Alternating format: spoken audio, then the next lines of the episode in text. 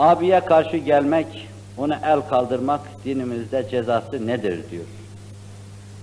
Esasen haksız olarak kime el kaldırırsan kaldır, bu kısas isteyen bir husustur.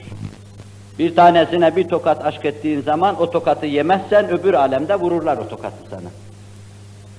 Bir tanesine kıl kadar eziyet etmişsen orada aynı eziyete maruz kalırsın. Bunu mevzelerde arz etmiştim. Hazreti Osman halife iken Allah'ın rıda ve rıdvan üzerine olsun, halkın gözünün önünde yanında çalıştırdığı hizmetçisine kulağını tutturup çektirdiğini görüyorlar. Çek diyor, çek. Burada çekmezsen orada bu kulağı çekecekler. Canının sıkıldığı bir anda tutmuş hizmetçisinin kulağını çekmiş devlet reisi.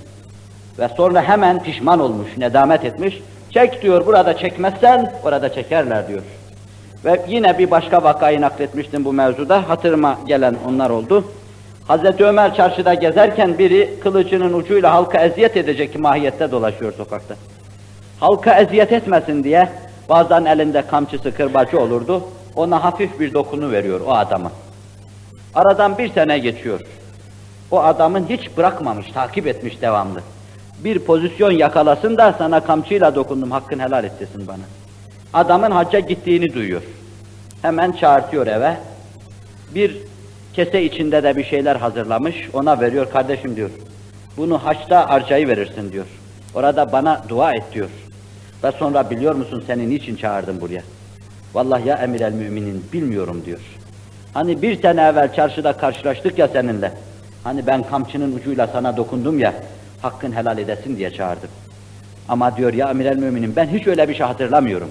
Ama bana gelince diyor ben hiç unutmadım onu diyor. Bütün bir sene boyunca beni tedirgin etti. Bu bir el kaldırmanın, bir vurmanın gerçek bir müminde meydana getirdiği teessür ve telehüftür. Tabi bu arada abiye el kaldırmak ve sonra anneye el kaldırmak, babaya el kaldırmak, üzerimizde hakları olan insanlar olması itibariyle bu biraz daha büyür. Aile huzurunun bozulması bakımından biraz daha büyür bu mesele. Onun için cennete girmek isteyen hiçbir canı incitmesin.